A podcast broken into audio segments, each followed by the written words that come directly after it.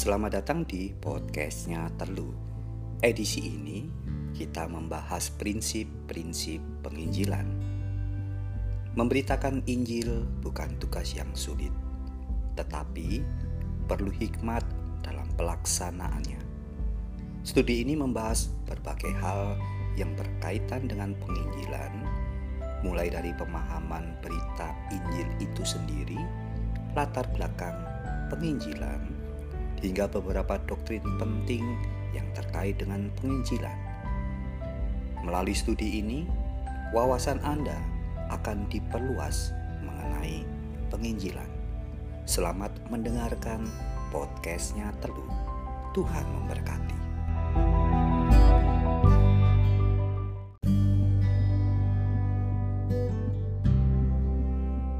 Prinsip-prinsip penginjilan diambil di dalam studi korespondensi Reform Injili Indonesia karya Pendeta Tommy J. Matakupan. Apakah penginjilan itu?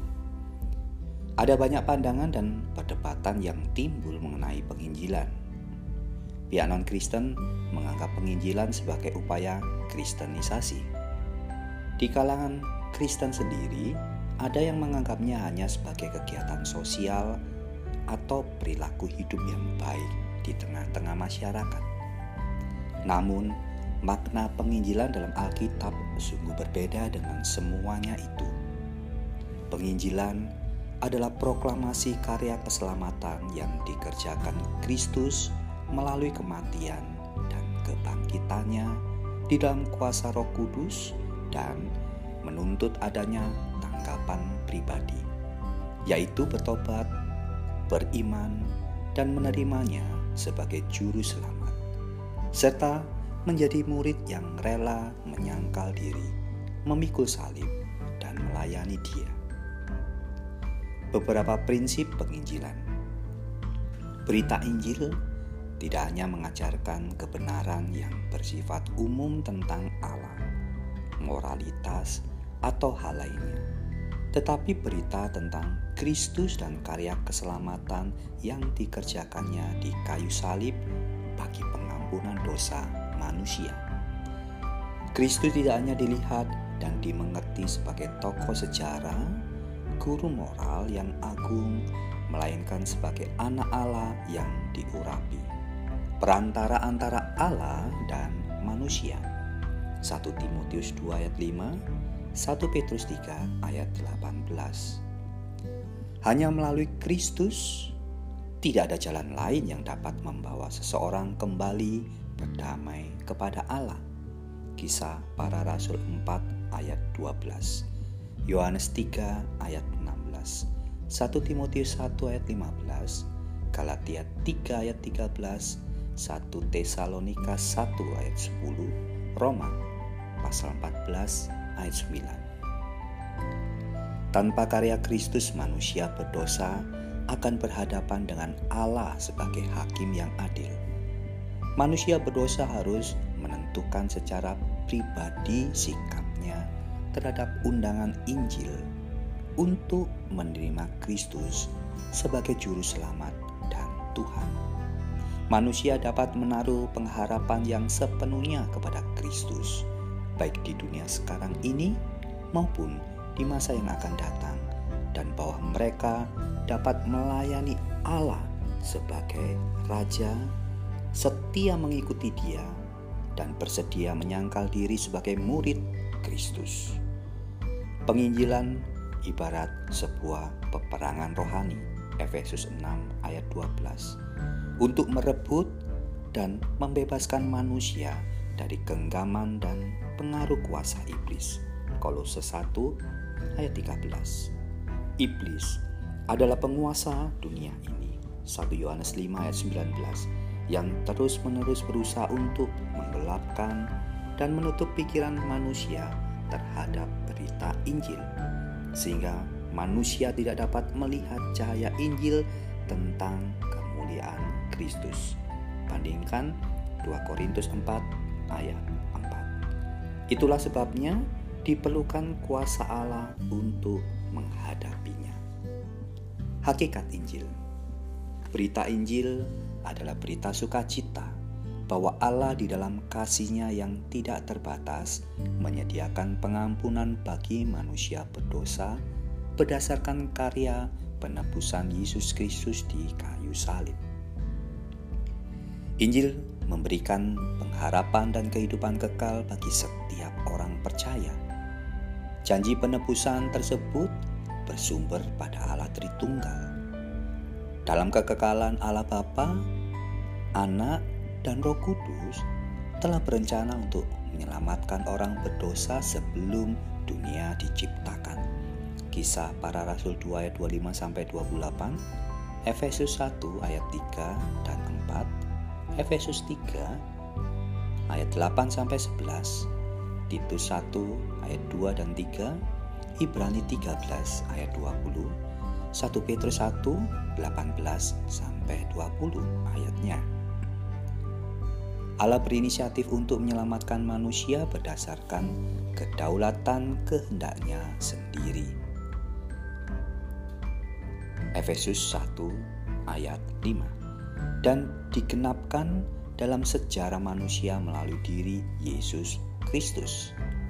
Rencana keselamatan ini telah digenapi dan dibuktikan dalam sejarah, meskipun tindakan Bapa dalam keselamatan tidak terlihat secara kasat mata, ia berperan besar di dalamnya. Dalam kekekalan, Bapa telah memilih Kristus berdasarkan kedaulatan anugerahnya untuk menyatakan kasihnya kepada orang berdosa. Efesus 1 ayat 4 sampai 5, Roma 8 ayat 29. Ia memberikan umat tebusannya Kristus. Yohanes 17 ayat 6. Ia memelihara umat tebusannya dan mengenapkan keselamatan itu. Yohanes 10 ayat 28 sampai 29, Roma 8 ayat 30. Kristus telah mati di salib. Galatia 3 ayat 13 untuk menebus dosa manusia. Yesus taat pada kehendak Bapa. Ia membenarkan memberi hidup kekal dan kemuliaan kepada umatnya. Matius 1 ayat 21. Orang-orang yang diberikan apa? Yohanes 17 ayat 9. Domba-dombanya Yohanes 10 ayat 11. Gerejanya kisah 20 ayat 28. Umat pilihan Allah. Roma 8 ayat 32 dan 33. Allah Roh Kudus menyadarkan seseorang akan keberdosaannya dan kebutuhannya akan keselamatan. Ia memanggil orang berdosa ke dalam keselamatan dengan melahir barukan mereka. Yohanes 3 ayat 3, ayat 5, ayat 7. Bandingkan 1 Yohanes 4 ayat 10. Yohanes 17 ayat 4, pasal 14 ayat 26, pasal 15 ayat 25 dan memberikan kemampuan untuk beriman kepada Allah melalui hati yang baru. Yesaya 11 ayat 19. Sebuah karya penyelamatan yang melibatkan Allah Trinitas. Hakikat penginjilan. Penginjilan dapat dilakukan melalui percakapan secara pribadi ataupun pertemuan secara massal. Namun tetap selalu ada bagian penting yang harus ditekankan dalam penginjilan, yaitu keselamatan adalah anugerah. Keselamatan adalah karya Allah dan bukan manusia. Efesus 2 ayat 8 ayat 10. Tetapi ini tidak berarti bahwa orang berdosa tidak memiliki tanggung jawab sama sekali di dalam hal keselamatannya manusia harus percaya kepada Kristus, Allah memberikan kemampuan kepadanya untuk percaya atau beriman. Iman yang menyelamatkan itu dimengerti sebagai pemberian Allah. Filipi 3 ayat 12 dan 13. Panggilan pertobatan Markus 1 ayat 4, Markus 1 ayat 15, Kisah para Rasul 2 ayat 38 harus ada dalam penginjilan. Pertobatan terjadi karena seseorang menyadari dirinya telah melanggar hukum-hukum Allah yang kudus, benar, dan baik Roma 7 ayat 12 dan bertekad untuk meninggalkan dosa. Kabar baik bahwa Allah telah menebus orang berdosa dari hukuman maut dan kebinasaan kekal. Telah mendamaikan manusia berdosa dengan dirinya dan menganugerahkan keselamatan sehingga mereka memiliki persekutuan yang akrab dan indah kembali bersamanya. Semuanya itu dilakukan di Kalvari. Saat Kristus menggantikan tempat manusia berdosa. Yesaya 53 ayat 5. Ia menjadi berdosa supaya kita dibenarkan Allah. 2 Korintus 5 ayat 21. 1 Petrus 3 ayat 18. Dibebaskan dari kutuk. Galatia 3 ayat 10 dan 13 kematian Kristus telah memenuhi tuntutan keadilan dan murka Allah. Inilah kabar baik yang telah dipercayakan kepada setiap orang percaya. Jika aspek-aspek ini tidak ada dalam suatu penginjilan, maka aktivitas itu tidak dapat disebut sebagai penginjilan. Oleh karena itu, Paulus mengatakan, "Jadi kami ini adalah utusan-utusan Kristus, seakan-akan Allah menasehati kamu dengan perantaraan kami. Dalam nama Kristus, kami meminta kepadamu, berilah dirimu didamaikan dengan Allah. 2 Korintus 5 ayat 20.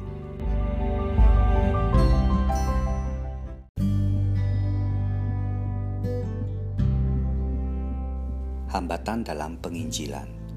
Banyak umat Kristen yang enggan dan tidak mau melakukan penginjilan karena tugas ini dianggap hanya untuk orang-orang yang hidup secara full time bagi Tuhan, pendeta, penginjil, dan majelis. Atau karena mereka tidak tahu apa yang harus dikatakan dan cara mengatakannya. Alkitab dirasakan terlalu luas padahal mereka tidak banyak mengetahui bagian Alkitab yang berkenaan dengan berita Injil. Mereka juga merasa takut dan ragu dengan kemungkinan akan menghadapi serangkaian pertanyaan tentang iman Kristen saat memberitakan Injil karena mereka merasa tidak memiliki pengetahuan yang cukup tentang iman Kristen atau karena berbagai respon khususnya yang negatif dalam penginjilan Misalnya, penolakan orang, disalah mengerti, dicaci maki, difitnah, merasa malu. Adanya anggapan bahwa menjadi orang Kristen tidak perlu terlalu ekstrim dengan menceritakan perihal Tuhan Yesus kepada orang lain. Cukup sudah bila kita menjadi anggota gereja yang baik, tidak onar, dan rajin beribadah. Sebenarnya, Alkitab memaparkan dengan jelas bahwa semua orang percaya adalah saksi Kristus. Kisah para Rasul 1 ayat 8 bandingkan 2 Korintus 5 ayat 20 yang diberi mandat amanat agung. Matius 28 ayat 18 sampai 20, Markus 16 ayat 15, Lukas 24 ayat 47. Mereka memiliki tanggung jawab yang sama untuk menjadi saksi yang baik dan bertanggung jawab dalam mengabarkan Injil kepada dunia. Motivasi penginjilan. Allah melihat motivasi yang tulus dan murni pada mereka yang mengabarkan Injil. Motivasi tersebut akan menyebabkan seseorang tidak gampang menjadi kecewa dan undur ketika menjumpai berbagai macam kesulitan dalam pelayanan. Motivasi pemberitaan Injil seharusnya bersumber pada satu, kasih Kristus. Alkitab berkali-kali mencatat tentang kasih Allah kepada orang berdosa. Bagi Paulus, kasih Kristuslah yang menguasai dan mendorongnya untuk memberitakan Injil sehingga ia rela mengorbankan miliknya bahkan memberikan dirinya bagi mereka yang dilayaninya. 2 Korintus 5 ayat 14, pasal 12 ayat 15. Kasih Kristus terhadap orang berdosa adalah kasih yang memberi diri demi keselamatan orang yang dikasihi. Karena begitu besar kasih Allah akan dunia ini, sehingga Ia telah mengaruniakan anaknya yang tunggal, supaya setiap orang yang percaya kepadanya tidak binasa, melainkan beroleh hidup yang kekal. Yohanes 3 ayat 16 2. Kehendak Allah dan pimpinan Roh Kudus. Penginjilan merupakan kehendak Allah dan mutlak berasal dari diri Allah sendiri. Allah adalah inisiator utama dan pertama dalam penginjilan. Roh Kudus akan memimpin seseorang masuk ke dalam kehendak Allah. Allah sendiri yang mengerjakan seluruh kemauan dan pekerjaan menurut kerelaannya. Filipi 2 ayat 13. Kita hanya perlu taat kepada pimpinan Roh Kudus dan mengenapi seluruh kehendak Allah di dalam hidup kita. 3. Amanat agung Tuhan Yesus Kristus. Amanat agung yang Kristus berikan kepada para murid sebelum ia naik ke surga ditutup dengan jaminan penyertaan Tuhan Yesus sendiri hingga kesudahan zaman. Inilah yang mendasari seluruh pelayanan pekabaran Injil. Kristus sendiri menjadikan dirinya sebagai teladan. Ia memberitakan Injil kerajaan Allah. Matius 4 ayat 23, pasal 11 ayat 1, Matius 9 ayat 35. 4. Perasaan berhutang. Perintah memuridkan di dalam amanat agung diawali dengan tindakan pemberitaan Injil. Di bagian lain, Paulus bahkan menegaskan bahwa Kristus mengutusnya bukan untuk membaptis, melainkan untuk memberitakan Injil. 1 Korintus 1 ayat 17, Titus 1 ayat 3. Paulus mengatakan bahwa ia berhutang untuk memberitakan Injil kepada orang Yunani maupun non-Yunani. Roma 1 ayat 4. Mengabarkan Injil adalah suatu keharusan. 1 Korintus 9 ayat 16. Perasaan ini timbul sebagai akibat anugerah keselamatan yang telah diterimanya. Tiada hal lain yang lebih besar untuk membalas kebaikan Allah selain melaksanakan pekabaran Injil sehingga orang lain juga dapat mengalami keselamatan yang sama. Tidak ada pelayanan yang terlalu kecil atau pengorbanan yang terlalu besar apabila dilakukan bagi kemuliaan Allah. 5. Pengharapan masa mendatang.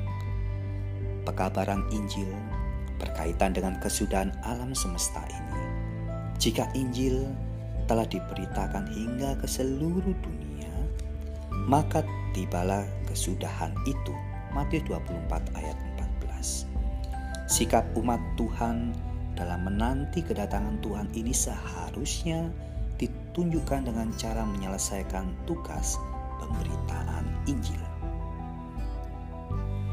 Tujuan penginjilan Banyak orang tersesat seperti domba yang tak bergembala Markus 6 ayat 34. Tuhan Yesus mengundang mereka yang letih lesu dan berbeban berat untuk datang kepadanya. Matius 11 ayat 28. Ia mengatakan bahwa anak manusia datang untuk mencari dan menyelamatkan yang hilang. Lukas 10 ayat 19.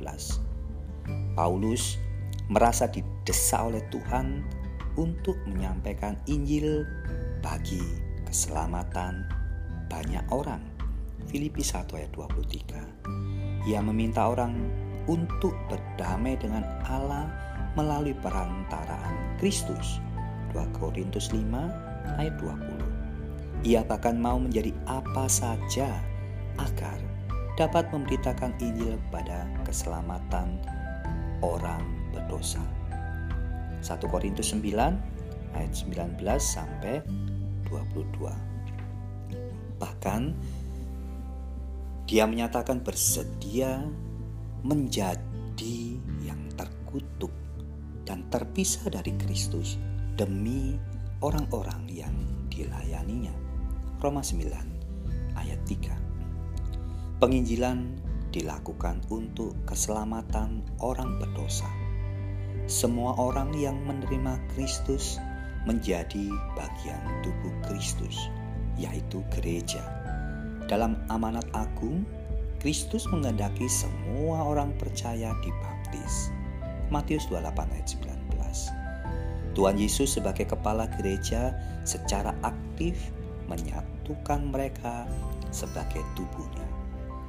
Pertumbuhan ini memuliakan Yesus, Raja dan Kepala Gereja. Amsal 14 ayat 28. Penginjilan dilakukan untuk pertumbuhan tubuh Kristus atau gereja. Pemberitaan Injil selalu berkaitan dengan kerajaan Allah. Matius 4 ayat 23. Melalui perkabaran Injil, kerajaan Allah dinyatakan dalam dunia. Karena dengan pertobatan orang berdosa, kerajaan Allah direalisasikan Istilah kerajaan Allah berarti kekuasaan Kristus atas semua yang ada di alam semesta. Bandingkan Matius 28 ayat 18. Suatu pengakuan bahwa Kristus adalah Raja di dalam semua aspek kehidupan manusia. Apa ada pula yang mengartikan sebagai penaklukan semua musuh Kristus di bawah kakinya 1 Korintus 15 ayat 25 Matius 24 ayat 14 Kristus memiliki kedaulatan penuh untuk memerintahkan gerejanya pergi untuk menjadikan segala bangsa muridnya. Perkabaran Injil harus bertujuan untuk membawa manusia melihat kemuliaan Allah. Kemuliaan Allah ini berkaitan dengan kehendak Allah ketika kehendak Allah dijalankan, maka ia dimuliakan. Paulus mengatakan bahwa pemilihan yang ditetapkan Allah dalam kekekalan, karya penebusan Kristus, dan tujuan dari semua pekerjaan Allah ialah supaya terpujilah kasih karunia-Nya yang mulia. Efesus 1 ayat 6. Supaya kami boleh menjadi puji-pujian bagi kemuliaannya. Efesus 1 ayat 12, ayat 14, Roma 11 ayat 36, pasal 16 ayat 27, 1 Korintus 10 ayat 31, 2 Korintus 1 ayat 20, pasal 4 dan 15. Pentingnya penginjilan. Kita harus memberitakan Injil secara verbal kepada orang lain sebagaimana yang dikatakan dalam amanat agung Kristus. Beritakanlah Injil kepada segala makhluk. Markus 16 ayat 15. Ini adalah suatu tindakan aktif yang dilakukan untuk berbicara kepada orang lain tentang berita keselamatan. Para rasul dimulai dari Petrus memberitakan Injil, lalu sekitar 3.000 orang bertobat. Stefanus dalam pembelaannya di hadapan sidang agama menyatakan bahwa Kristus adalah pengenapan nubuat perjanjian lama tentang Mesias. Paulus dengan berani menantang para ahli pikir Yunani di bukit Areopagus dan beberapa orang lainnya. Mereka semua berdiri sebagai saksi Tuhan, bukan saja bersaksi melalui kehidupan baik, melainkan juga dengan perkataan, dengan suara keras menyerukan Injil keselamatan kepada orang lain. Beberapa pertimbangan penting yang menjadi dasar bagi seseorang dalam melakukan pemberitaan Injil yaitu satu, manusia tersesat akan binasa tanpa Kristus. Menurut Alkitab, keadaan manusia berdosa adalah sudah mati karena pelanggaran, pelanggaran dan dosa-dosa. Efesus 2 ayat 1. Tanpa Kristus, tanpa pengharapan dan tanpa Allah di dalam dunia. Efesus 2 ayat 12. Dan sedang menuju kebinasaan di bawah murka Allah. Yohanes 3 ayat 16.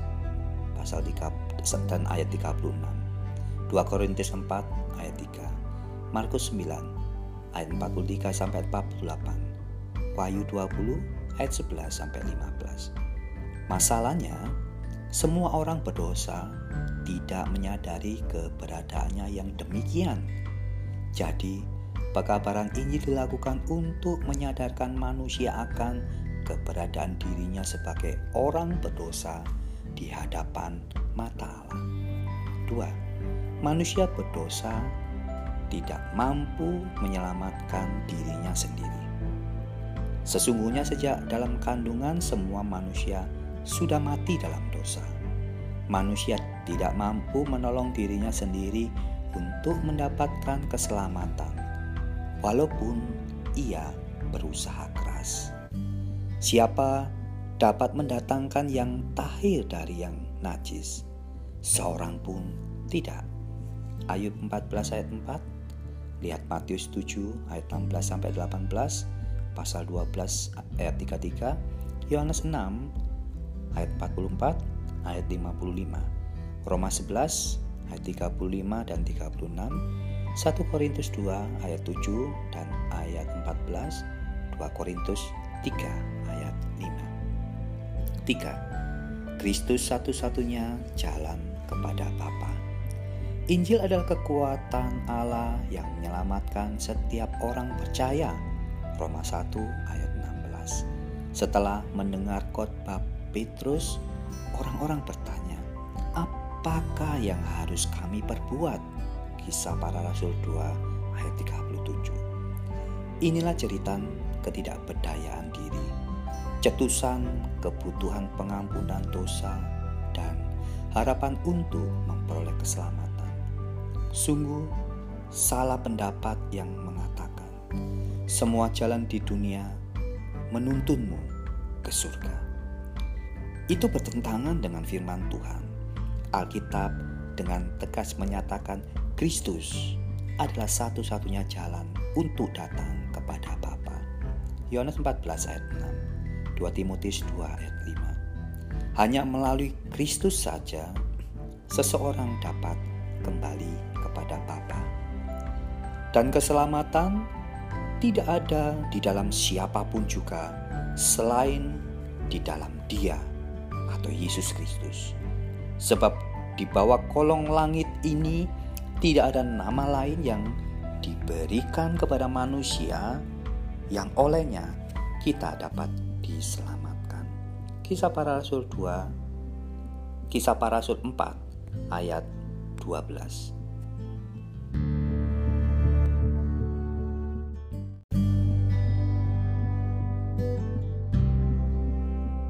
metode, cara, dan sarana penginjilan. Setiap metode, cara, dan sarana dalam penginjilan harus terus-menerus diuji apakah sedang dilakukan untuk memenuhi amanat Kristus.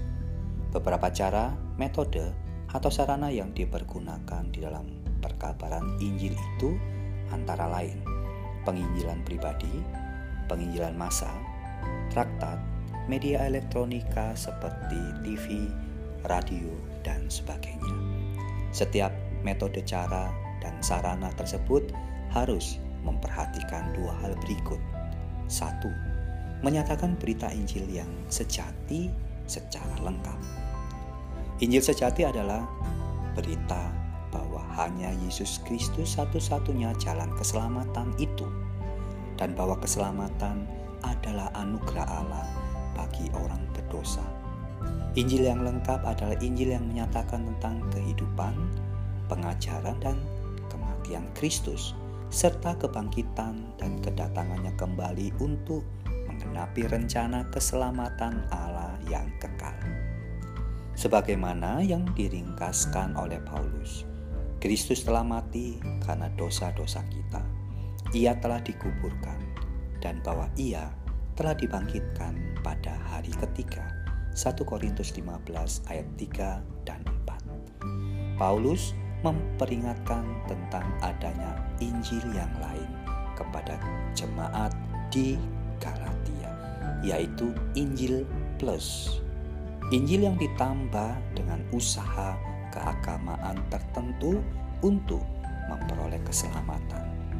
Tetapi, sekalipun kami atau seorang malaikat dari surga yang memberitakan kepada kamu suatu Injil yang berbeda dengan Injil yang telah kami beritakan kepadamu, terkutuklah dia.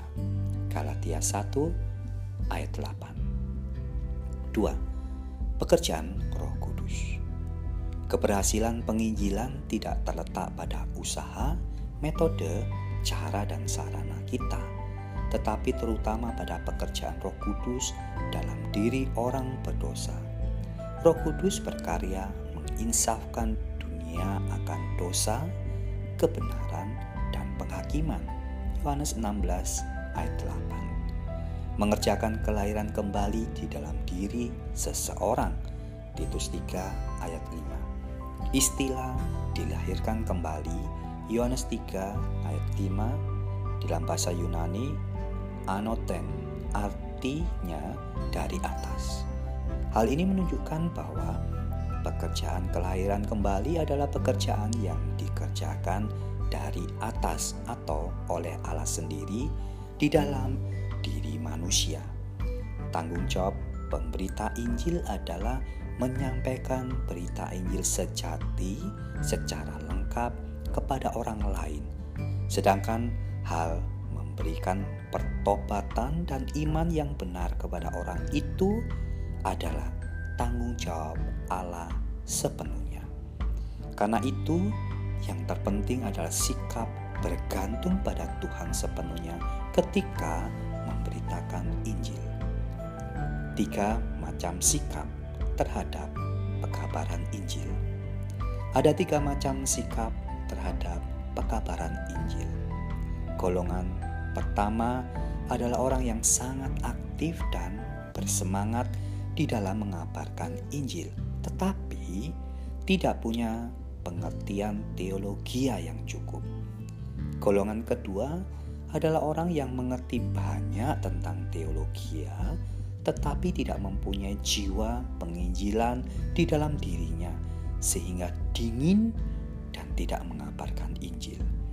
Sedangkan golongan ketiga adalah orang yang semangat dalam penginjilan dan punya pengertian teologi yang baik dan benar terhadap hal yang dikerjakannya. Kedua golongan yang pertama merupakan masalah serius. Jika seseorang mengabarkan Injil namun tidak punya pengertian teologi yang cukup, maka penginjilan yang dilakukan akan berjalan tanpa arah yang dan mengakibatkan kebingungan dan kekacauan dalam memahami iman Kristen. Jika seseorang mempunyai pengetahuan teologi yang baik dan cukup luas, namun tidak memiliki jiwa penginjilan, maka ia adalah orang Kristen yang kehidupannya tidak berada di dalam rencana Allah. Seharusnya setiap orang Kristen termasuk dalam kelompok yang mengabarkan Injil dengan pengertian yang benar dan dapat dipertanggungjawabkan. Setiap orang Kristen harus memiliki api, jiwa, dan semangat penginjilan yang tidak pernah padam. Tetapi ketika nyata kemuliaan Allah, juru selamat kita, dan kasihnya kepada manusia, pada waktu itu dia telah menyelamatkan kita bukan karena perbuatan baik yang telah kita lakukan, tetapi karena rahmatnya oleh permandian kelahiran kembali dan oleh pembaruan yang dikerjakan oleh Roh Kudus yang sudah dilimpahkannya kepada kita oleh Yesus Kristus, juru selamat kita. Titus 3 ayat 4 sampai 6. Kedaulatan Allah dan penginjilan. Paulus adalah seorang yang fasih bicara. Namun, ia justru mengatakan bahwa pelayanannya sangat bergantung pada pekerjaan Roh Kudus. Baik perkataanku maupun pemberitaanku tidak kusampaikan dengan kata-kata hikmat yang meyakinkan, tetapi dengan keyakinan akan kekuatan roh, supaya iman kamu jangan bergantung pada hikmat manusia, tetapi pada kekuatan Allah. 1 Korintus 2 ayat 4 dan ayat 5. Allah sendiri dalam kedaulatannya akan membuka mata hati orang berdosa sehingga mereka dapat melihat kebenaran Injil. Ia juga mengaruniakan kemampuan kepada mereka untuk dapat menerima berita Injil tersebut, beriman, dan mendapatkan keselamatan sejati sebagaimana yang telah dijanjikannya. Tuhan membuka hatinya sehingga ia, Lydia, memperhatikan apa yang dikatakan oleh Paulus. Kisah para Rasul 16 ayat 13 dan 14. Lydia dapat mengerti dan menjadi percaya bukan karena kefasikan Paulus berbicara, melainkan karena Tuhan membuka hatinya. Ayat 14. Roh Kudus bekerja secara langsung dalam hati Lydia dan menyingkirkan semua penghalang untuk diterimanya Injil Tuhan. Allah memakai para pekabar Injil sebagai alat untuk memanggil umat pilihannya dan mereka ikut bersuka cita ketika melihat orang-orang yang tersesat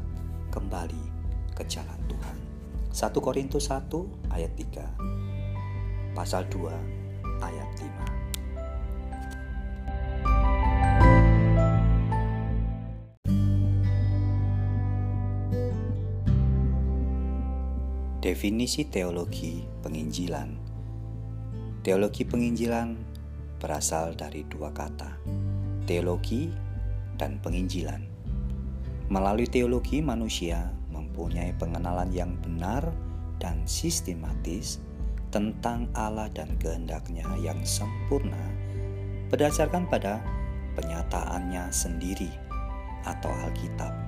Sedangkan istilah penginjilan berarti proklamasi Injil keselamatan secara dinamis.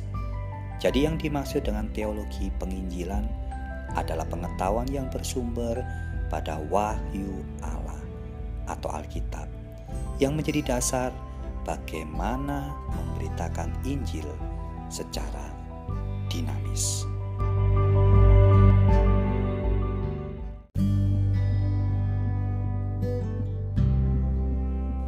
Doktrin manusia dan dosa Manusia merupakan ciptaan termulia karena diciptakan sesuai gambar dan rupa Allah. Kejadian 1 ayat 26, pasal 2 ayat 15 sampai 17, pasal 3 ayat 1 sampai 24. Tidak ada ciptaan lain termasuk malaikat yang diciptakan menurut gambar dan rupa Allah. Inilah yang membedakan manusia dengan ciptaan lainnya.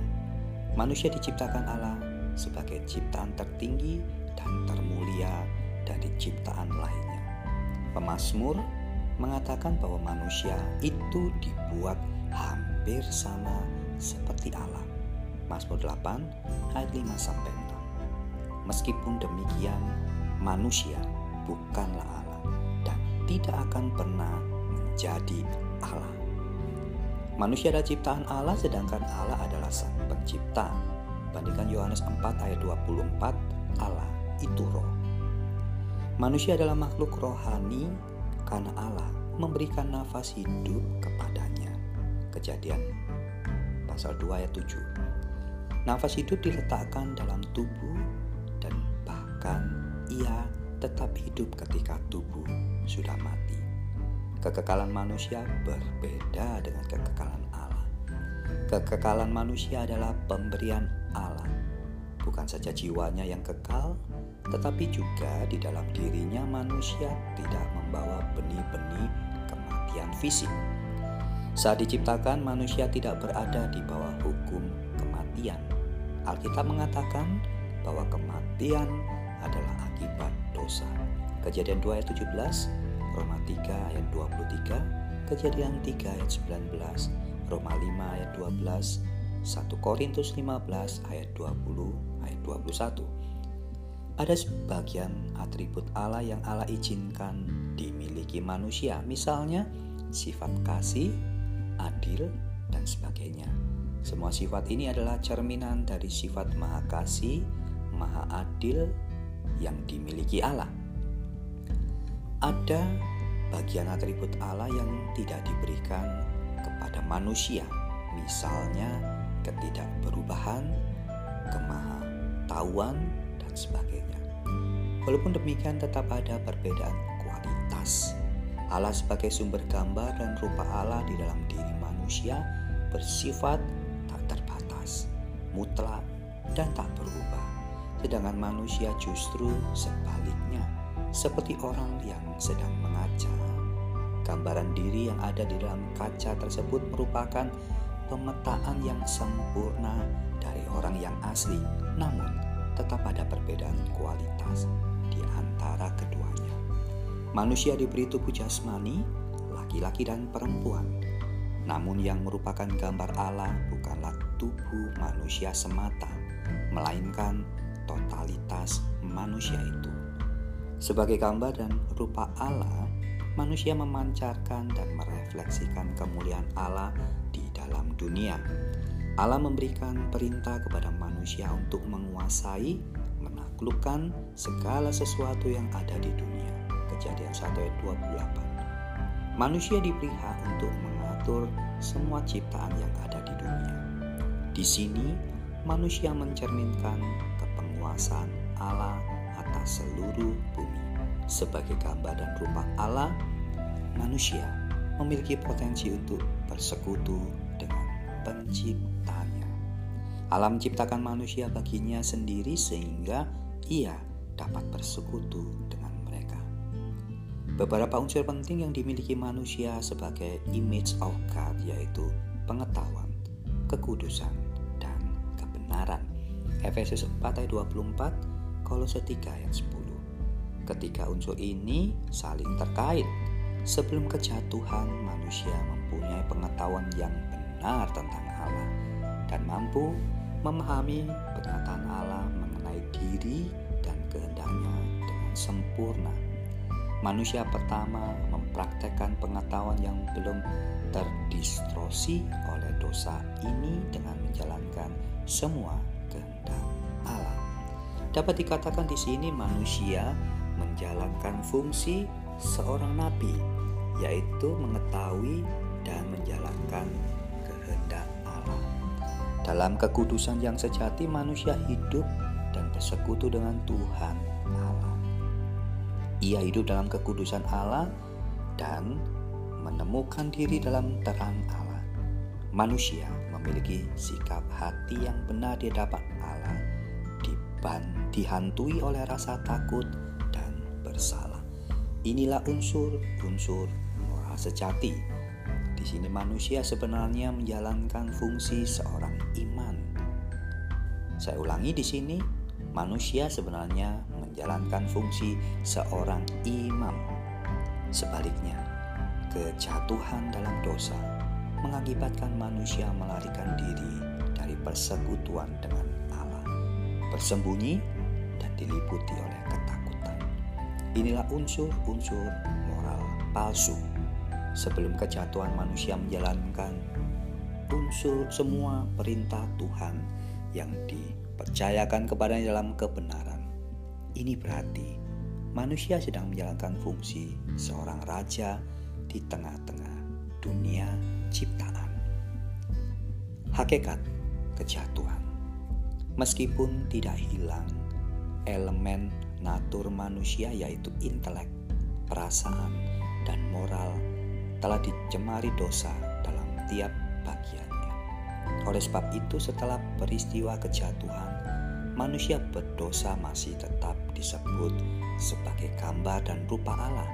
Kejadian 9 ayat 6, 1 Korintus 11 ayat 7, Yakobus 3 ayat 9. Kejatuhan manusia di dalam dosa untuk pertama kalinya bukan hanya sekedar masalah Adam dan Hawa mengambil dan memakan buah yang dilarang Allah. Kejatuhan ini mengandung arti yang sangat dalam, bukan suatu kejadian sesaat, tetapi kejadian yang telah melibatkan semua unsur yang dimiliki manusia. Sungguh tidak tepat jika ada yang berpendapat bahwa peristiwa kejatuhan ini hanya sebuah ke kekiklafan atau kecelakaan belaka. Saya ulangi, sungguh tidak tepat jika ada yang berpendapat bahwa peristiwa kejatuhan ini hanya sebuah kekilafan atau kecelakaan. Bandingkan percakapan ular dan Hawa dengan kalimat yang Allah katakan sebelumnya kepada manusia. Kejadian 2 ayat 16 ayat 17, pasal 3 ayat 1 sampai 5. Terjadi beberapa hal yang serius sekali di dalamnya. Iblis diwakili ular memutar balikan firman Allah. Sekali-kali tidak akan mati. Allah melarang manusia memakan buah itu karena Allah tidak ingin manusia menjadi sama dengan dirinya. Tahu tentang apa yang baik dan yang jahat Kejadian 3 ayat 5. Ini mengakibatkan manusia mencurigai Tuhan. Pasti Allah tidak ingin disamai. Allah tidak pernah memberi perintah tidak boleh meraba dan tidak mengatakan kalau manusia memakan buah itu mereka tidak akan mati. Iblis menggunakan firman Tuhan, tetapi iblis menambahi dan memutar sedemikian rupa sehingga memiliki arti yang jauh bertentangan dengan maksud Allah. Akibatnya, manusia itu mengambil dan memakan buah yang dilarang Allah. Mereka melanggar perintah Allah dan jatuh ke dalam dosa.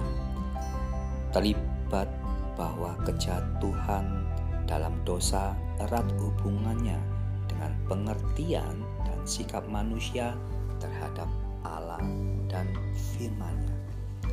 Iblis mengerti hal itu dengan jelas. Kemudian iblis menggunakan firman Tuhan menambah, mengubah, dan memutarbalikannya sedemikian rupa untuk mencobai manusia ternyata usahanya itu berhasil. Dengan pola yang sama, iblis mengutip ayat-ayat Perjanjian Lama ketika mencobai Tuhan di padang gurun.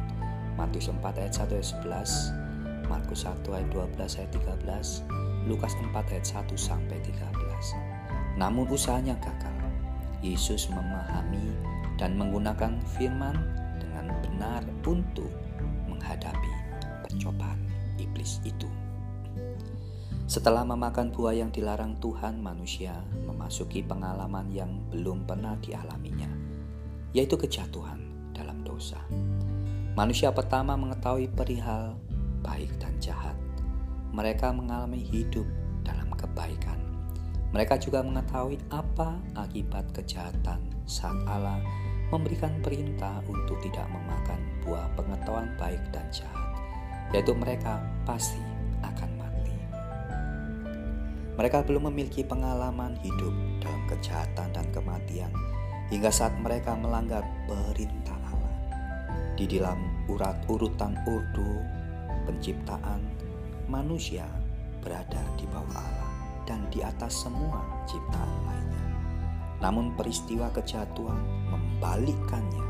Manusia mengambil tempat Allah dan sekaligus menempatkan diri di bawah semua ciptaan Manusia berpindah dari tempat yang seharusnya. Manusia menjadikan dirinya sebagai hakim yang menentukan manakah yang benar antara perkataan Allah atau iblis. Dengan mengambil dan memakan buah, sebenarnya manusia menyatakan diri ingin bebas dari Tuhan dan tidak mau mengakui ketergantungannya kepadanya. Hal itu berarti manusia tidak mau memerlukan Tuhan lagi sebagai sumber kehidupan, sumber kebenaran, dan tempat bergantung yang mutlak. Dosa, totalitas, keberadaan diri. Peristiwa kejatuhan manusia dalam dosa mengakibatkan mereka hidup keberdosaan. Semua manusia keturunan Adam berada di dalam keadaan yang sama. Roma 3 ayat 23, pasal 5 ayat 12 sampai 21.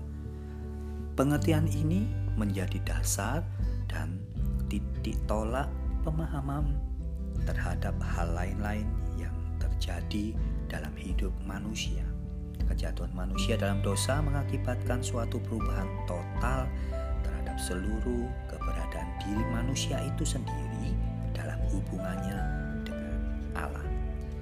Perubahan dari sangat baik menjadi jahat. Bandingkan Matius 10 ayat 32 ayat 33, pasal 12 ayat 30, Lukas 11 ayat 23, Yakobus 2 ayat 10. Tak satu pun bagian di dalam diri manusia yang tidak Karena pelanggaran manusia pertama terhadap perintah Allah dilakukan dengan penuh kesadaran, maka peristiwa itu melibatkan totalitas keberadaan manusia, yaitu pikiran, perasaan, dan kehendak. Manusia tahu sebelumnya bahwa tindakan itu akan membawanya pada kematian. Semua dilakukan dengan prasangka yang salah terhadap Allah, manusia, dan perjanjian kerja. Allah membuat perjanjian kerja dengan manusia Allah bertindak sebagai inisiator, pembuat, penjamin, dan pelaksana perjanjian yang dibuatnya tersebut. Perjanjian ini antara Allah Tritunggal dan Adam yang mewakili umat manusia. Perjanjian tersebut memuat janji Allah mengenai kehidupan yang diterima orang percaya melalui Kristus. Di satu pihak, perjanjian ini mengikat Allah atas janji berkatnya bagi semua ciptaan di lain pihak, perjanjian ini mengikat manusia dalam hal kewajiban untuk taat kepada Allah. Allah menuntut manusia dengan ketaatan sepenuhnya, ketaatan murni yang hanya kepada Dia saja. Segala berkat Allah akan dicurahkan kepada mereka yang taat kepadanya. Hal ini terbukti dalam keselamatan yang diterima manusia manusia telah berdosa dalam kebebasan dan kesadaran penuh manusia pertama melakukan dosa, tindakan ketidaktaatan, melanggar perintah Allah. Kejadian 3, Hosea 6 ayat 7. Melalui peristiwa tersebut semua manusia dibawa pada saksi hukum. Kejadian 2 ayat 17. Sebagaimana berkat tersedia bagi manusia yang taat, begitu pula hukuman tersedia bagi manusia yang melanggar perjanjian tersebut. Upah dosa ialah maut. Roma 5 ayat 12, pasal 7 ayat 24, pasal 6 ayat 23. Yaitu terpisah dari Allah atau sumber kebenaran untuk selamanya. Adam menjadi mati terhadap kebenaran. Kejadian 2 ayat 17, 1 Petrus 2 ayat 24 dan bahkan setelah kejatuhannya itu ia hidup untuk dosa. Semua manusia keturunan Adam berada dalam status yang sama, berdosa. Roma 3 ayat 9, ayat 10, ayat 23. Paulus menggambarkan perbandingan antara Adam dan Kristus dalam Roma 5 pasal ayat 12 sampai pasal 2. Saya ulangi, Paulus menggambarkan perbandingan antara Adam dan Kristus di dalam Roma pasal 5 ayat 12. Di dalam Adam semua manusia mati, tetapi dalam Kristus semua manusia yang menjadi miliknya dihidupkan. Ini berarti Adam adalah kepala yang mewakili umat manusia seperti Kristus sekarang menjadi kepala yang mewakili orang-orang yang menjadi miliknya. Keselamatan yang dikerjakan Kristus adalah bagi semua orang, sebagaimana di dalam Adam segala janji berkat penciptaan ditunjukkan kepada manusia. Kejadian 1 ayat 28, pasal 2 ayat 1 sampai 3. Namun janji penyelamatan hanya bagi mereka yang percaya, yakni mereka yang ditentukan Allah untuk diselamatkan. Yohanes 3 ayat 16, pasal 6 ayat 37, ayat 44, Efesus 1 ayat 1 sampai 2 dan ayat 10.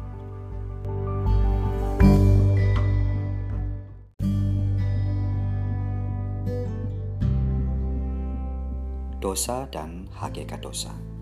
Pemahaman seseorang tentang keadaan dan status manusia setelah kejatuhan serta tentang anugerah Allah bergantung pada pengertiannya tentang dosa asal dan dampaknya. Berikut ini adalah beberapa pandangan yang salah mengenai dosa asal dan dampaknya. 1. Dosa adalah kemenangan kejahatan atas kebaikan. Pandangan yang bertitik tolak pada pikiran bahwa di dalam diri manusia ada semacam dualisme, yaitu hal-hal baik diwakili oleh roh manusia, hal-hal jahat diwakili oleh tubuh manusia. Hal ini sulit diterima sebab pandangan ini menyatakan ada sesuatu yang terlepas dari kehendak Tuhan. Pandangan ini juga menjadikan manusia tidak perlu bertanggung jawab atas tindakan yang dilakukannya karena cara terbaik untuk lepas dari dosa hanyalah ketika manusia itu mati terlepas dari tubuh. Dosa bukanlah kemenangan kejahatan atas kebaikan. Alkitab mengatakan bahwa dosa terjadi karena kehendak yang ada di dalam diri Adam. Sehingga dosa itu harus ditanggungkan kepada Adam. Roma 5 ayat 19. 2. Dosa adalah kebodohan manusia. Ada pandangan yang menganggap kegagalan manusia dalam mengerjakan rencana Allah merupakan akibat dari kelemahan atau kebodohan mereka. Pandangan ini gagal melihat bahwa dosa bukan sekedar tindakan ketidaktaatan yang melanggar hukum Allah, melainkan meliputi semua totalitas keberadaan manusia. Dosa bukan merupakan suatu kebodohan yang mengakibatkan manusia tidak dapat disalahkan karena kondisi mereka. Dosa adalah hilangnya kepercayaan kepada Allah dan perlawanan terhadap hukum-hukum Allah. Tiga, dosa adalah keterbatasan manusia. Pandangan ini menganggap dosa terjadi karena ketidakcukupan pengetahuan manusia untuk melihat segala sesuatu terkait dengan Allah. Jika manusia memiliki kemampuan ini, maka perbuatan dosa itu pasti tidak akan terjadi. Jadi, pada dasarnya pandangan ini menyalahkan Allah karena keterbatasan itu memang diberikan Allah kepada manusia. Pandangan ini juga mengesampingkan hal moralitas dan sekaligus mempersempit hidup manusia. Dosa bukan keterbatasan manusia. Dosa adalah perlawanan dan pendurhakaan terhadap Mazmur 51 ayat 6. Dosa bukanlah sekedar tindakan Adam mengambil dan memakan buah pohon yang dilarang Allah. Itu terlalu sederhana. Ada banyak hal yang dipertaruhkan di dalamnya. Sebelum tindakan mengambil buah dan memakannya, manusia sudah berdosa secara potensial dalam hatinya yaitu keinginan untuk mengambil buah yang dilarang Tuhan. Keadaan berdosa secara potensial ini kemudian diwujudkan secara aktual dengan tindakan mengambil buah dan memakannya.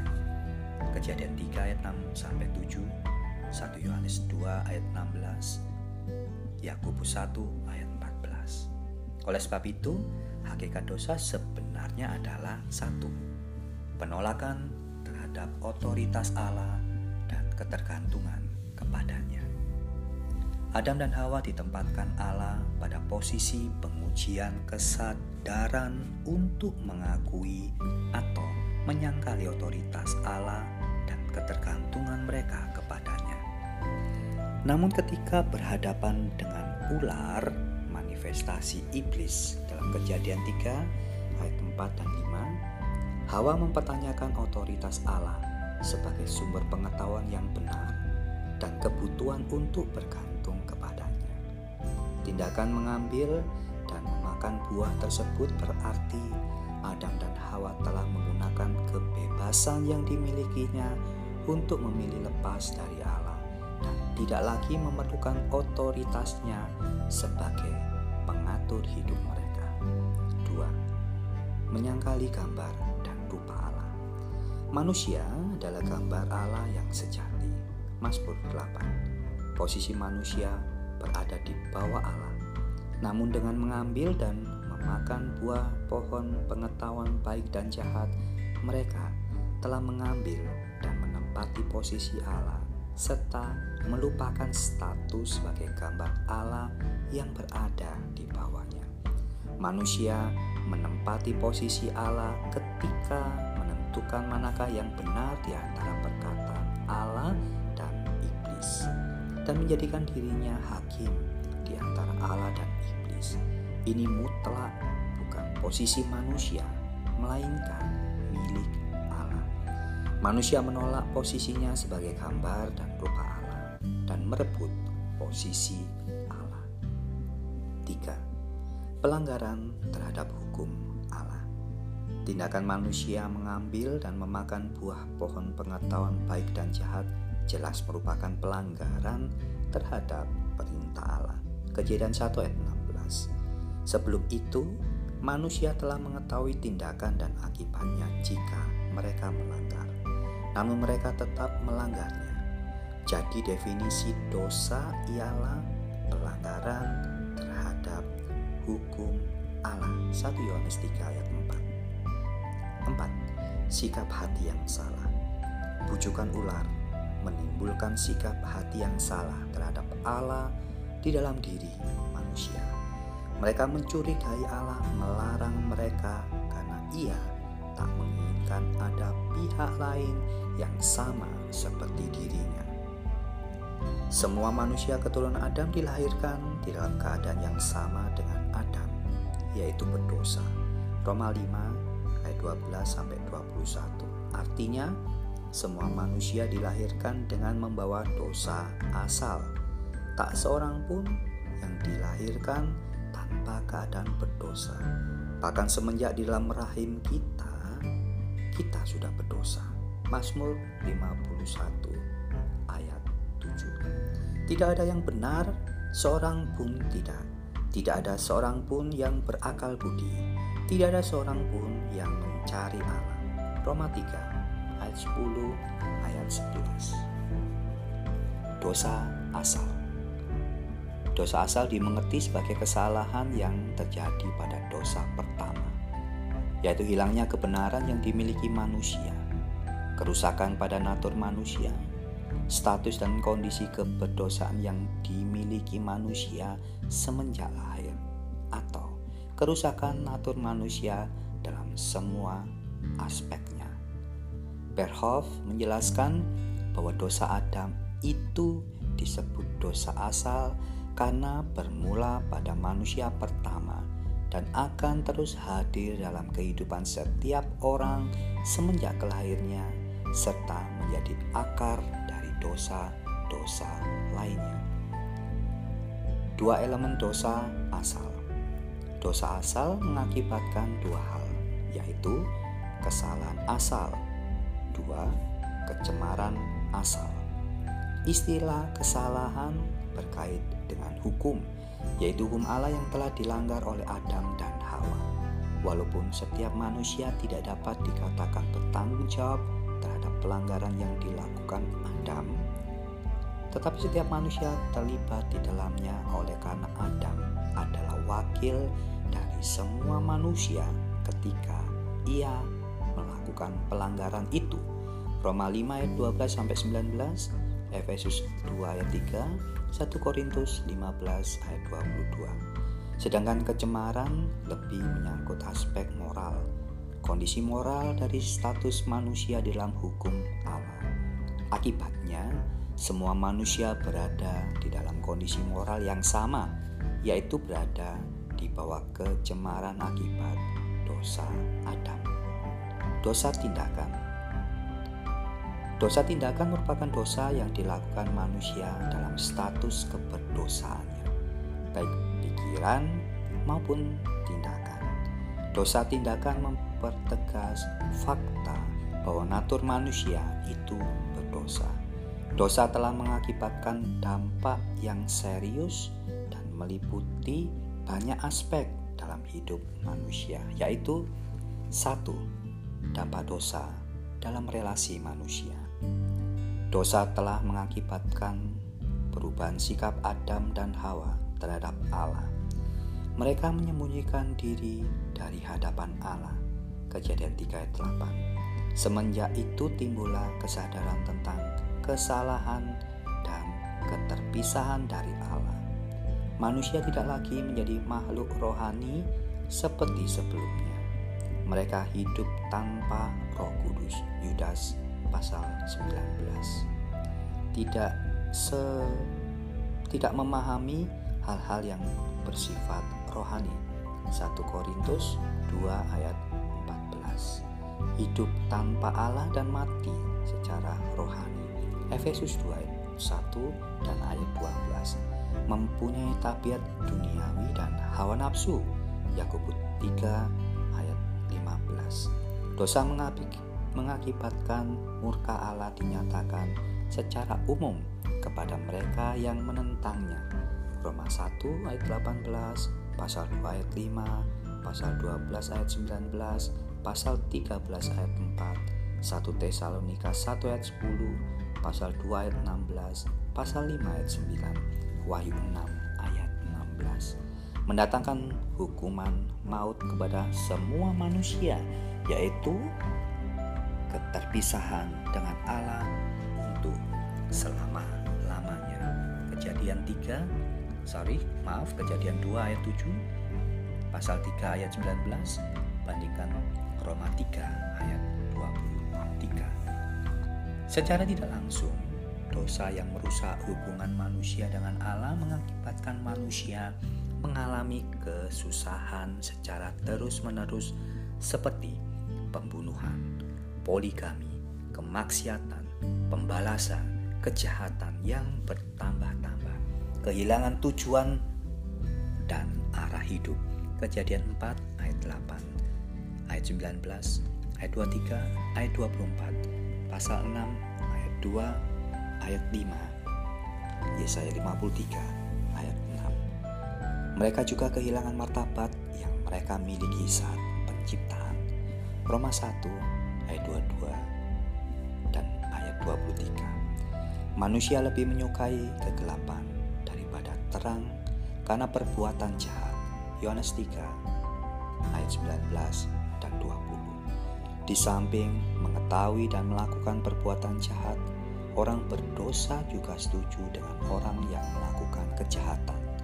Roma 1 ayat 32. Manusia tidak dapat lagi melakukan kehendak Allah walaupun ia diciptakan untuk tujuan itu. Meskipun mereka mungkin mengetahui kehendak Allah, mereka tidak dapat melakukannya. Manusia menindas kebenaran tentang Allah dan menggantinya dengan hal lain yang bukan dari Allah. Roma 1 ayat 18, pasal 2 uh, eh, ayat pasal 20 ayat 2, pasal 3 ayat 23. Manusia tidak lagi hidup dalam kebenaran, kekudusan, pengetahuan, dan persekutuan yang sejati dengan Allah. Kejadian 3 ayat 6 ayat 8, Pengkhotbah 7 ayat 29, Roma 3 ayat 23. Manusia dalam kebutaan rohani terus-menerus mengalami kematian rohani. Efesus 2 ayat 1 sampai 2. 2. Dampak dosa dalam natur manusia. Manusia mengalami kerusakan total karena dosa telah merasuki setiap aspek kehidupan manusia secara menyeluruh. Tidak ada bagian yang tak tercemarkan. Titus 1 ayat 15, Kejadian 6 ayat 5, Yeremia 17 ayat 9, Roma 3 ayat 10 sampai 18. Semua manusia berada dalam status demikian. Tidak memiliki keinginan sama sekali terhadap hal-hal rohani Manusia berdosa mati di dalam dosanya. Kejadian 2 ayat 17, Efesus 2 ayat 1. Secara positif, kerusakan total berarti ketidakmampuan manusia melakukan hal baik yang pada dasarnya menyenangkan hati Allah. Manusia hanya memiliki kecenderungan untuk terus-menerus melakukan perbuatan dosa. Dosa di sini bukan sekedar tindakan berdosa, melainkan suatu keadaan terbelenggu sehingga manusia lebih cenderung untuk berbuat jahat. Kejadian 6 ayat 5, Yeremia 17 ayat 9, Kejadian 8 21, Mazmur 51 ayat 5, Roma 3 ayat 10 sampai 18. Secara negatif, kerusakan total di sini berarti manusia tidak dapat melakukan perbuatan baik yang sejati. Matius 7 17 dan 18, 1 Korintus 12 ayat 3, Yohanes 15 ayat 4 dan 5. Juga dapat diartikan bahwa manusia tidak dapat memahami kebaikan karena buta secara rohani. Kisah para Rasul 16 ayat 14, 2 Korintus 3 ayat 12 sampai 18, Yohanes 1 ayat 11, pasal 8 ayat 4 ayat 43, Matius 13 ayat 14, 1 Korintus 1 ayat 18, pasal 2 ayat 14. Tanpa karya Roh Kudus yang memberikan pengertian, manusia tidak akan dapat memahami segala hal yang berasal dari Allah dan tidak memiliki keinginan terhadap apa yang baik. Yohanes 1 ayat 11. Kerusakan total menyebabkan manusia tidak mungkin dapat datang kepada Allah kecuali Allah sendiri yang bertindak membawa manusia kembali kepadanya. Matius pasal 7 ayat 18, Yohanes pasal 3 ayat 3, pas, ayat, pasal 8 ayat 43 juga, pasal 15 ayat 4 sampai 5, Yohanes 6 ayat 44, pasal 6 ayat 65, pasal 3 ayat 19 sampai 21. 3. Dampak dosa dalam hal kehendak bebas. Manusia sebagai gambar dan rupa Allah diciptakan dengan memiliki kehendak bebas. Kebebasan kehendak manusia ini berada di wilayah kategori ciptaan, yaitu kebebasan yang diberikan Allah kepadanya. Kebebasan yang bergantung total kepada Allah, bersifat terbatas dan tidak sempurna. Walaupun demikian, mereka mampu hidup di dalam ketaatan yang sepenuhnya pada kehendak Allah, pada hukum-hukumnya. Inilah kebahagiaan hidup sejati.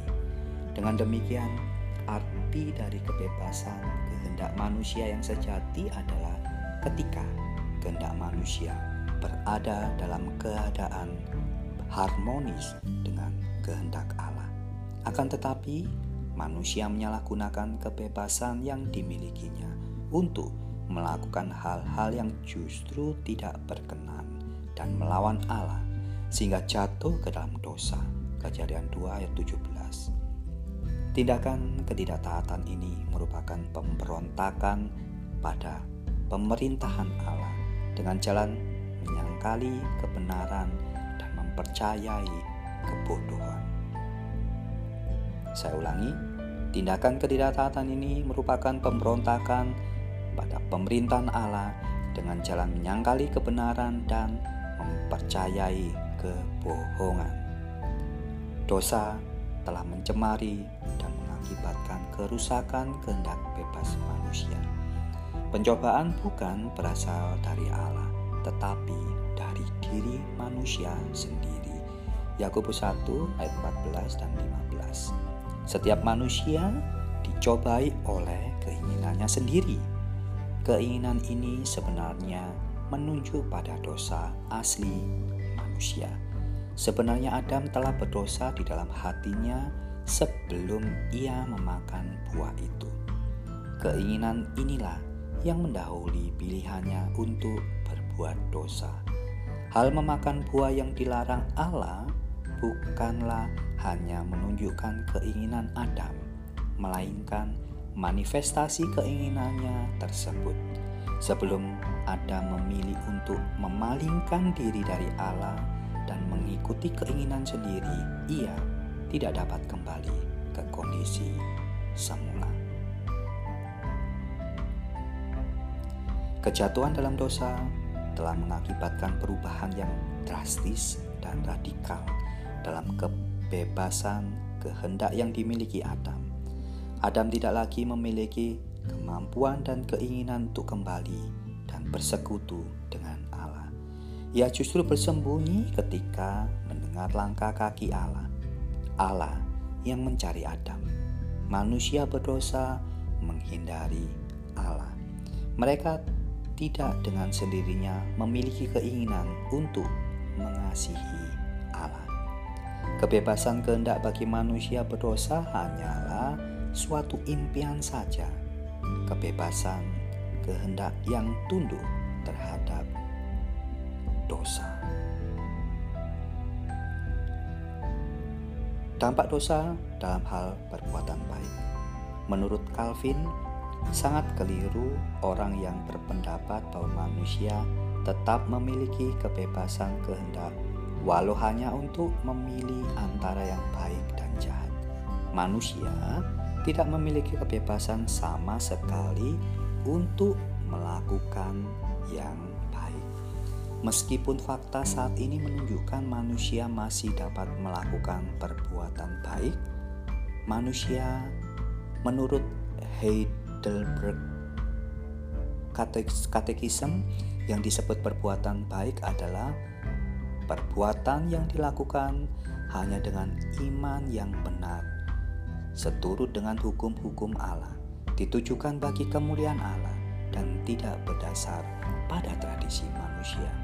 Yohanes 15 ayat 5, Ibrani 11 ayat 6, Imamat 18 ayat 4, 1 Samuel 15 ayat 22, Efesus 2 ayat 10, 1 Korintus 10 ayat 31, Bilangan 12 ayat 32, Yesaya 29 ayat 13, Yeskiel 20 ayat 18 sampai 19, Matius 15 ayat 7 sampai 9 ayat 9. Westminster Convention of Faith menyatakan perbuatan baik harus sesuai dengan pernyataan Allah di dalam Alkitab Ulangan 6 ayat 25 dan keluar dari hati nurani yang murni. Ibrani 13 ayat 18. Manusia berdosa tidak mungkin memiliki hal-hal tersebut. Tindakan mereka tidak berdasar pada iman yang benar, tidak menyukai hukum-hukum Allah, dan tidak akan ada motif untuk kemuliaan Allah. Itulah sebabnya perbedaan antara orang yang telah dilahirkan kembali dan yang belum adalah di dalam hal kemampuan, bukan kebebasan. Keduanya memiliki kebebasan untuk melakukan apa yang baik dan apa yang jahat, tetapi hanya satu yang memiliki kemampuan melakukan apa yang baik secara sejati, yaitu mereka yang telah dilahir barukan oleh Allah. Mereka mampu sebab Roh Kudus telah memberikan hati yang baru. Efesus 2 ayat 10 1 Yohanes 5 ayat 18 Yeskiel Yeskiel pasal 36 ayat 26 Perbuatan baik perlu dilihat dari dua segi yaitu secara positif memang manusia tidak kehilangan kebebasannya sebab ia masih memiliki kesadaran dan kebebasan memilih namun perbuatan baik yang dilakukannya adalah perbuatan baik dalam status keberdosaannya. Secara negatif, manusia telah kehilangan kebebasan setelah kejatuhan. Kelihatannya, manusia tetap bebas melakukan apa yang baik dan yang jahat. Sebenarnya, manusia hanya mampu melakukan apa yang jahat. Kecenderungan hatinya hanya pada yang jahat. Kejadian 2 ayat 5 pasal 8 ayat 21, 1 Korintus 2 ayat 14, Mazmur pasal 14, Daniel pasal 53, Yeremia pasal 13 ayat 23, Ulangan 30 ayat 19, Yohanes 6 ayat 44, Matius 12 ayat 33. Kesimpulannya, manusia di luar Kristus tidak akan mungkin melakukan perbuatan baik yang sejati, yang berkenan kepada Allah iblis tidak hentinya bekerja di antara orang-orang durhaka, mendorong tubuh yang lemah ini melakukan berbagai pelanggaran. Efesus 2 ayat 2 Perbuatan baik yang dilakukan di luar iman sejati di hadapan Allah hanyalah seperti kain yang kotor. Yesaya 64 ayat 6.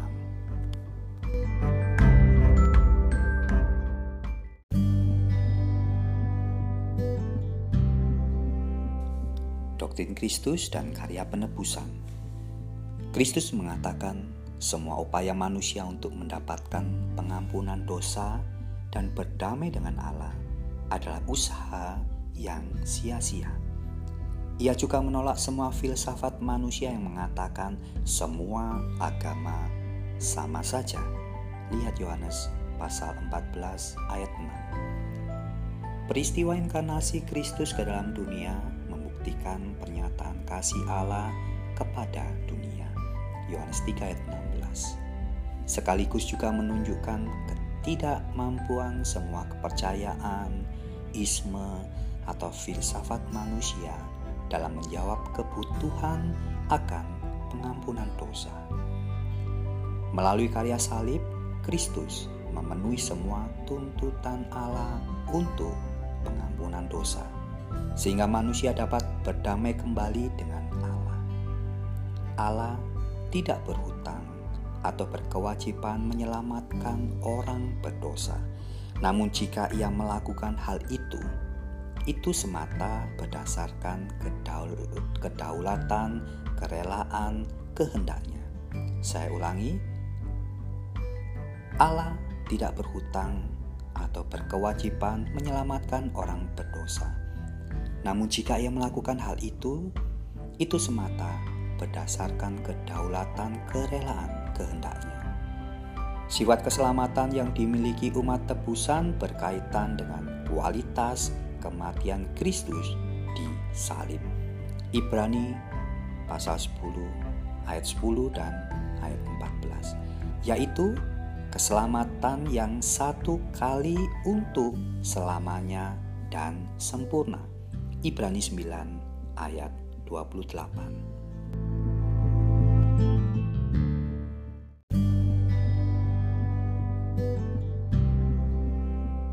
Doktrin keselamatan. Keselamatan harus diterima secara pribadi. Artinya, respon yang diberikan bersifat pribadi terhadap Injil Kristus. Roma 10 ayat 9. Keselamatan itu tidak dapat diwariskan atau diwakilkan kepada orang lain. Kisah para Rasul 2 ayat 38, Yohanes 6 ayat 40. Keselamatan itu semata-mata pemberian Allah. Hanya karena kasih karunia Allah melalui iman, bukan karena usaha ataupun pekerjaan manusia dan tidak didasarkan pada perasaan atau pengalaman iman seseorang. Yohanes 4 ayat 42 2 Timotius 1 ayat 5 ayat 12 pasal 2 ayat 8 sampai 9 Tanpa anugerah Allah manusia tidak mungkin dapat memberikan respon positif bertobat dan menerima keselamatan karena di luar anugerah Allah manusia berdosa mati dalam perhambaan dosa. Efesus 2 ayat 1 sampai 3. Mustahil manusia dapat bangkit dari kematian rohani tersebut. Allah yang berinisiatif memberikan panggilan pertobatan umum. Bertobatlah dan percayalah. Lihat Matius 22 ayat 14, pasal 11 ayat 28, Markus 16 ayat 15, Yesaya 45 ayat 22, pasal 55 ayat 6 dan 7 yang mendorong orang berdosa untuk menerima keselamatan melalui pemberitaan Injil Yohanes 7 ayat 37 Matius 11 ayat 28 Yesaya 45 ayat 22 1 Korintus 15 ayat 3 dan 4 Kemudian dengan kedaulatan kehendaknya Allah memanggil orang-orang berdosa menerima keselamatan. Inilah yang disebut anugerah atau panggilan khusus. Lihat 1 Korintus 1 ayat 9, Roma 8 ayat 30, Galatia 1 ayat 15, Efesus 1 ayat 17 dan 18, 2 Timotius 1 ayat 9. Dengan proklamasi Injil 2 Tesalonika 2 ayat 14, panggilan umum disampaikan dan berdasarkan kedaulatan Allah di dalam pemilihannya. Panggilan umum itu dijadikan efektif bagi orang-orang pilihan.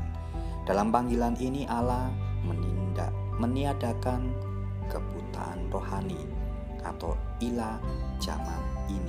2 Korintus 4 ayat 3 sampai 6. Hubungan antara kelahiran baru, iman, dan pertobatan. Perlu dibedakan antara kelahiran baru, beriman, dan pertobatan. Satu, kelahiran baru. Kelahiran baru merupakan pekerjaan Allah dalam hidup manusia berdosa yang menjadikan mereka sebagai ciptaan baru. Beberapa istilah lain dilahirkan. 1 Petrus 1 ayat 23 lahir dari Yakobus 1 ayat 18 ciptaan baru. Efesus 2 ayat 10 2 Korintus 5 ayat 17 manusia baru. Efesus 4 ayat 24 dibangkitkan.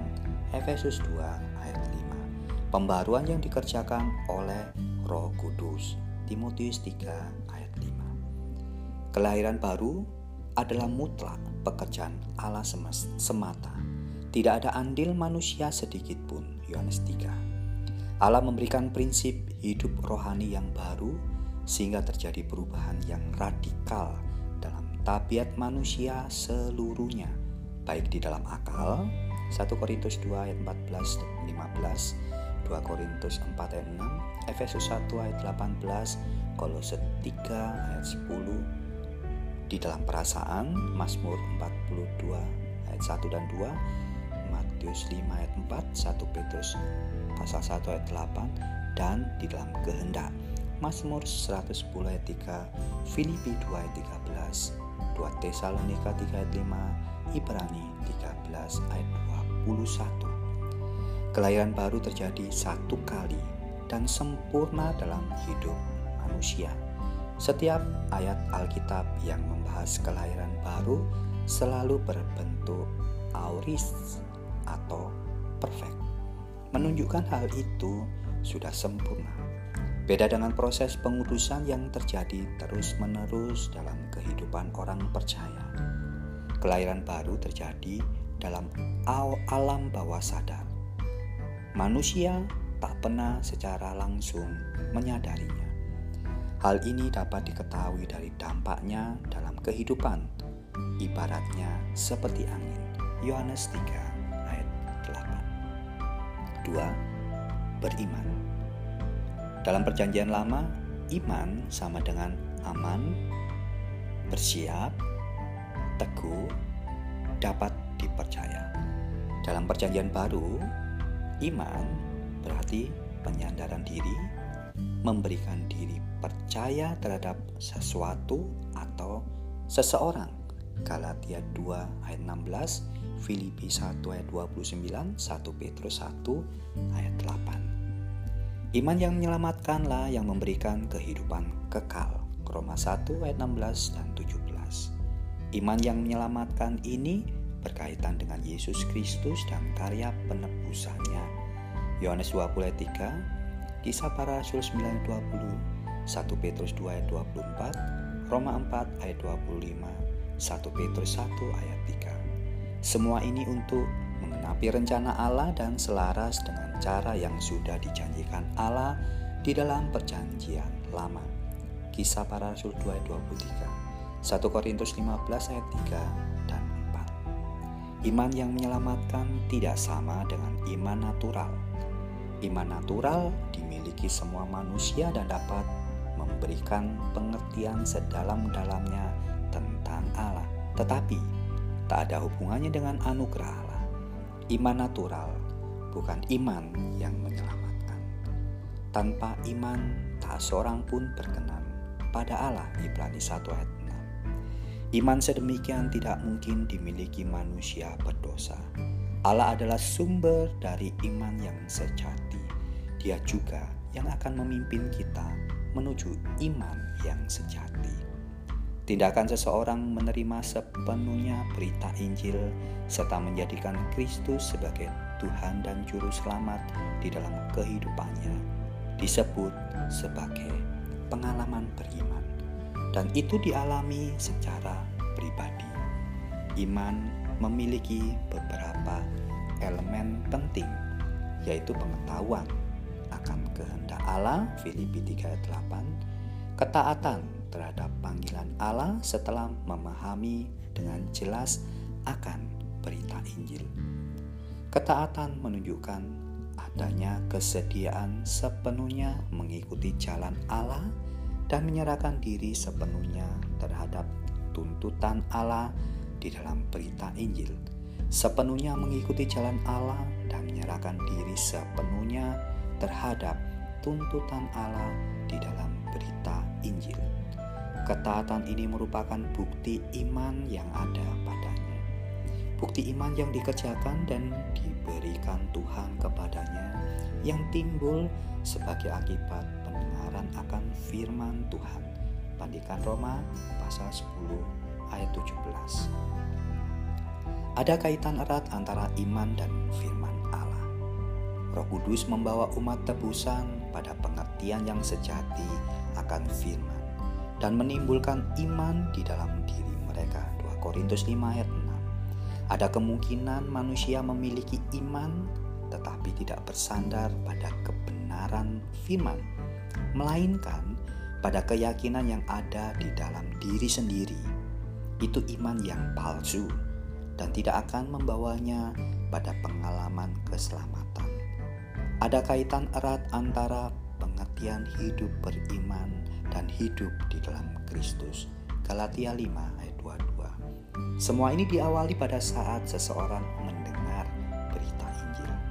Beriman pada Kristus sama hidup di dalam persekutuan dengannya. Bandingan Galatia 2 ayat 19 dan 20, pasal 3 ayat 26, 2 Korintus 13 ayat 5. Di dalam Alkitab, istilah di dalam Kristus, di dalam roh, di dalam iman atau oleh karena iman dipakai secara bergantian. 3. Pertobatan. Bahasa Ibrani menggunakan dua istilah untuk pertobatan, yaitu naham atau menyesali tindakan yang telah dilakukan umumnya dipakai untuk Allah. Kejadian 6 ayat 6, Keluaran 36 ayat 14 dan syuf pembalikan perpalingan yang dilakukan manusia dari suatu arah tertentu setelah diketahui bahwa arah itu salah. Perjanjian baru juga menggunakan dua istilah, yaitu metanoia atau perubahan dalam pikiran yang menghasilkan perubahan tingkah laku, perubahan yang terjadi dalam diri manusia, dan epistrepo atau perubahan yang terjadi di luar sebagai akibat dari perubahan yang terjadi di dalam. Bertobat didefinisikan sebagai perpalingan yang dilakukan secara sadar dari dosa kepada Allah, meliputi perubahan dalam cara berpikir, perasaan, dan kehendak. Bagi Calvin, pertobatan menunjuk pada pemulihan peta dan teladan Allah yang rusak. Suatu proses yang dialami seseorang, baik proses bagaimana ia berpaling kepada Kristus maupun dalam proses pengudusan hidup yang terus-menerus. Pertobatan ini benar-benar membalikkan kehidupan kita kepada Allah dengan digerakkan oleh rasa takut yang tulus dan sungguh-sungguh akan Dia. Pertobatan meliputi mematikan kedagingan dan manusia lama, serta dihidupkannya kembali kita oleh Roh Kudus. Dosa tidak saja mencemari pengetahuan manusia akan Allah, tetapi juga melumpuhkan mereka secara total. Maka harus Allah yang bertindak terlebih dahulu untuk memampukan manusia kembali kepadanya. Di satu sisi Alkitab mengatakan bahwa Allah adalah inisiator dalam pertobatan manusia. Namun di sisi lain juga menyatakan bahwa pertobatan berkaitan dengan tindakan manusia secara sukarela mengambil sikap, meninggalkan dosa, dan berpaling kepada Allah. Ini contoh konsep paradoks di dalam Alkitab. Keduanya merupakan kebenaran yang harus diterima oleh karena Alkitab memang menyatakannya.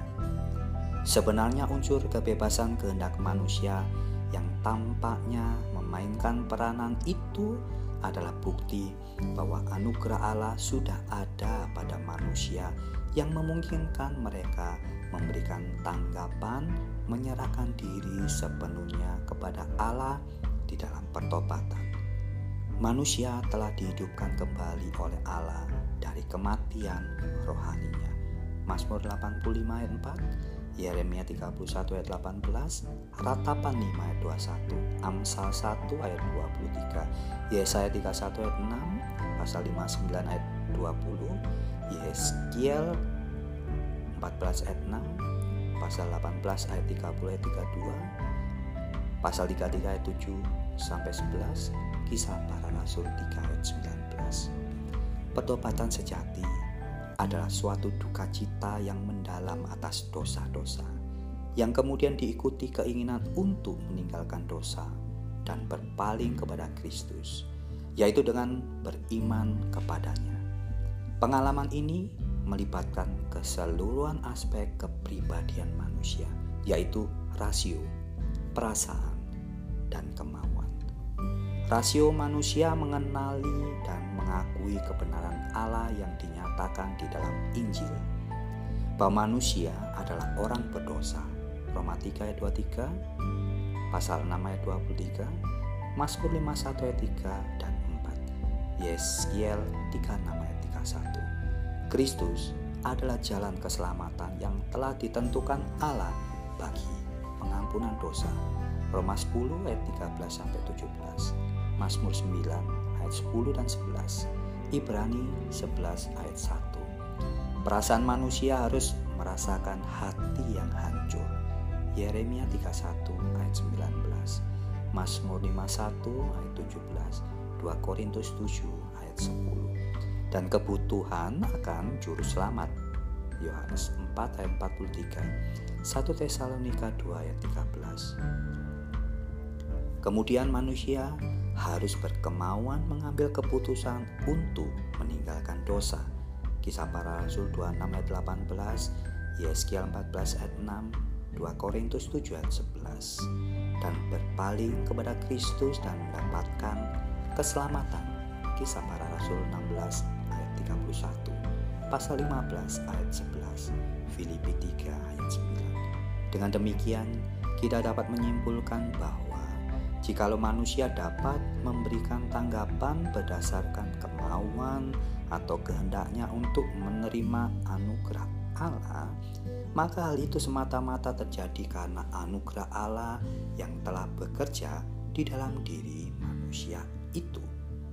Di kalangan kekristenan ada dua pandangan mengenai hal ini.